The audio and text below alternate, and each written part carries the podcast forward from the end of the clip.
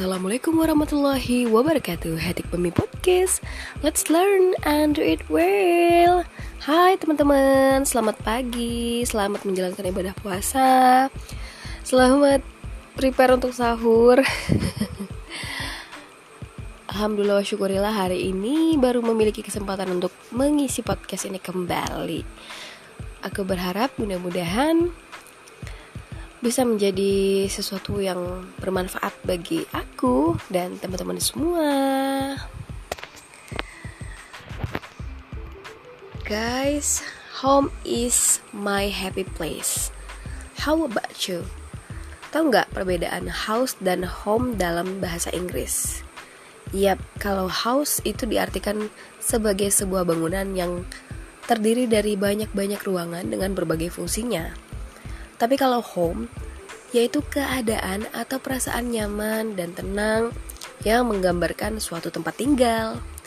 Nah, kalau dalam bahasa Arab, seperti yang kita tahu dan yakini sebagai bahasa surga. Bahasa Arab adalah bahasa yang Masya Allah paling kaya pembendaharaan katanya.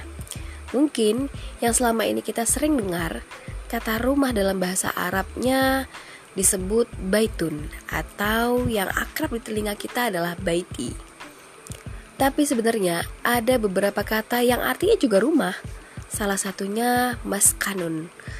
Diambil dari kata sakanun yang artinya ketenangan. Jadi makna rumah dalam bahasa Arab selain sebagai tempat tinggal juga berarti tempat yang memberikan ketenangan. Masya Allah ya.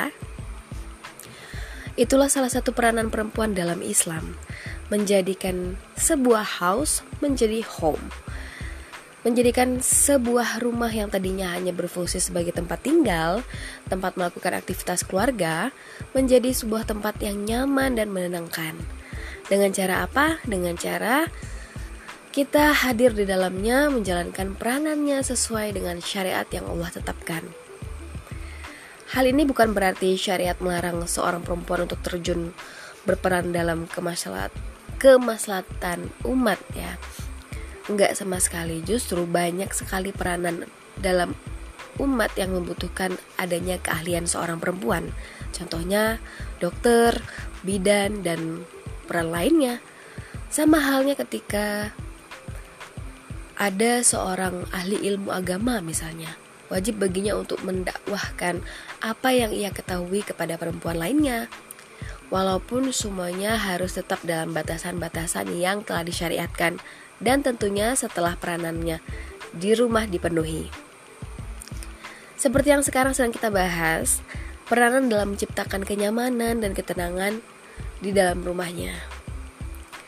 Point is, peranan perempuan dalam umat adalah sebagai penumpang dan sandaran kaum laki-laki dalam menjalankan tugasnya karena karir nomor satunya tetaplah karirnya di dalam rumah. Jadi, yuk kita jadikan home as our happy place. Segitu dulu ya. Mudah-mudahan bermanfaat dan bisa memotivasi umat seluruh Indonesia yang mendengarkannya. Wassalamualaikum warahmatullahi wabarakatuh. Bye.